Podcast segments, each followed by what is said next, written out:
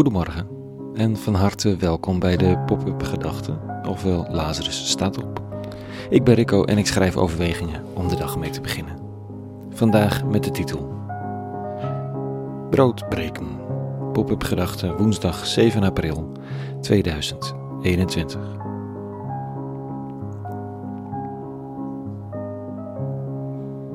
Vroeger, voor COVID, noemde ik het breken dan wel scheuren van brood en het ronddelen een van mijn centrale handelingen. Nu moet je daar wat voorzichtiger mee zijn, maar goed, we hopen op betere tijden. We breken deze dagen nog wel brood, maar dan vooral op camera en op Zoom en dat is toch anders. Het is zo'n simpele handeling. Je neemt het brood, liefst een hele, scheurt het in stukken en deelt het met iedereen. In de kerk waar ik ben opgegroeid was het een van de heiligste handelingen. En dat had ook zo zijn kracht, maar ook nogal een beperking. Het gebeurde eens in de zoveel tijd, omgeven door formulierlezingen en rituelen. Het brood was nauwelijks herkenbaar als brood. Het was nog net niet zo erg als bij de katholieken. Niets ten nadele van hen, maar dat wat zij breken en delen is echt moeilijk herkenbaar als brood. Wij hadden wit brood, waar de korsten waren afgesneden. En dan was het in lange rechthoekige slierten gesneden, van een dusdanige lengte dat je je afvroeg wat het oorspronkelijke brood geweest kon zijn en wat ze gedaan hadden met de korsten. Zo komt een brood niet uit de oven. En waarom moest die korst eraf? Was het niet wit genoeg met korst? Of kruimelde het dan te veel? Of kreeg de een dan een stukje met korst en de ander niet en hadden ze daar vroeger ruzie over gemaakt? Dat iemand zich beledigd voelde omdat hij of zij wel geen korst kreeg en ze dus maar gezorgd dat iedereen precies hetzelfde stukje brood kreeg? zoals je dat bij kinderen doet. Je vraagt het je af. Het punt is hier niet om grapjes te maken over dat wat zo heilig is voor velen, maar de vragen zijn wel belangrijk. Waarom lijkt broodbreken in veel kerken zo weinig op broodbreken? En wat is er zo mogelijk en wat is er mogelijk aan betekenis verdwenen toen we besloten de korsten eraf te snijden, het brood te prepareren in lange repen of in ronde platgeslagen schijfjes? Is er iets verloren gegaan in dat proces?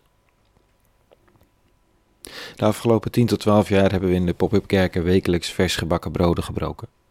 We zochten elke keer naar de juiste woorden om die handeling te begeleiden, maar elke keer blijkt weer dat de handeling zelf al boekdelen spreekt. Het heeft niet zoveel nodig. Niet gemakkelijk om het los te laten, als schreef me de jongen, al die uitleg. Maar het werkt wel op die manier. Het breken van brood bouwt verbinding en gemeenschap.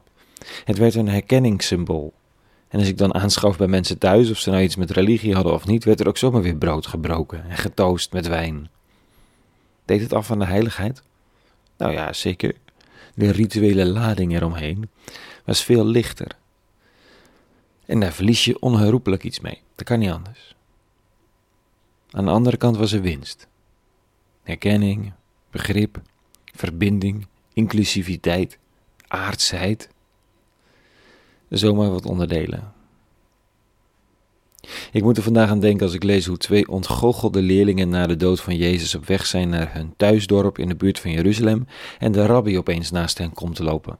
Ze herkennen hem niet natuurlijk, want hoe zou je dat kunnen? Hij legt hen uit dat sterven altijd bij de Messiasverwachting hoorde, als je de profeten goed las. En ze nodigen bij aankomst thuis hen bij hem, hen aan tafel.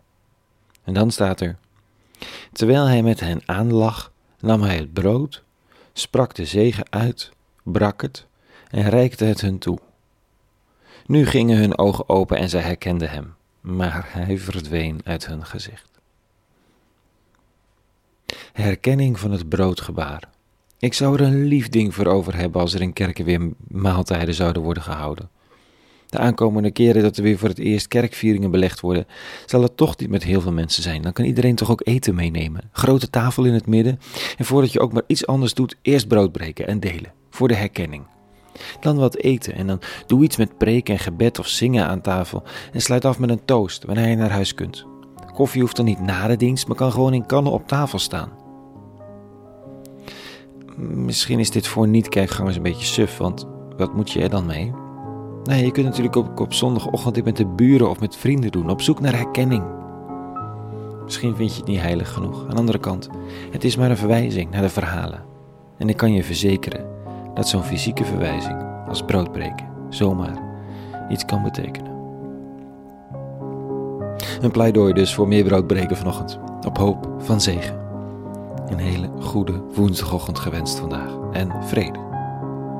En alle goeds.